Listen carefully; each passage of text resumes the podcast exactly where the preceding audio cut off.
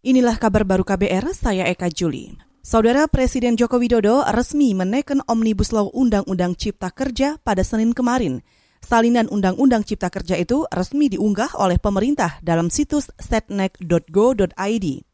Dalam situs itu, Undang-Undang Cipta Kerja memuat 1180-an halaman. Sementara itu, Aliansi Buruh menyatakan akan langsung menggugat ke Mahkamah Konstitusi jika undang-undang itu ditandatangani. Menurut buruh, lewat uji formik, MK bisa memutuskan suatu undang-undang dibatalkan secara keseluruhan karena prosesnya dinilai melanggar prinsip-prinsip pembentukan peraturan. Sebelumnya, penyusunan Undang-Undang Sapu Jagat ini disebut tidak konsisten, sebab meski disepakati DPR, tetapi terjadi perubahan halaman hingga beberapa kali.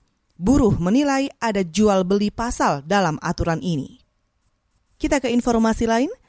Hingga pagi hari waktu Indonesia ini, hampir 100 juta orang memberikan suara dalam Pilpres Amerika. Sebelum pemilihan berlangsung, kedua calon presiden melaksanakan kampanye pamungkas di beberapa negara bagian. Berikut laporan jurnalis VOA Eva Mazrieva langsung dari Washington DC. Pun penantangnya dari Partai Demokrat Joe Biden melakukan kampanye terakhir untuk meyakinkan para pemilih mengapa mereka merupakan pilihan yang tepat untuk empat tahun ke depan.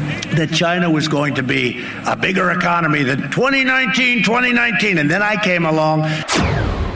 Folks, Ohio, one more day, one more day. Tomorrow, tomorrow we have an opportunity to put an end to a presidency that's divided this nation.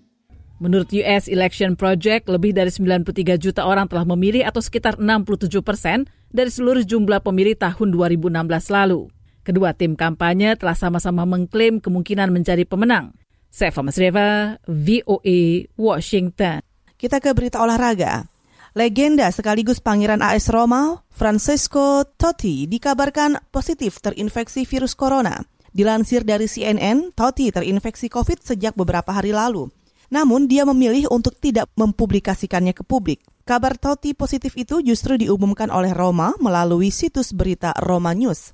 Saat ini, pria 44 tahun itu tengah menjalani isolasi mandiri bersama keluarganya di rumah.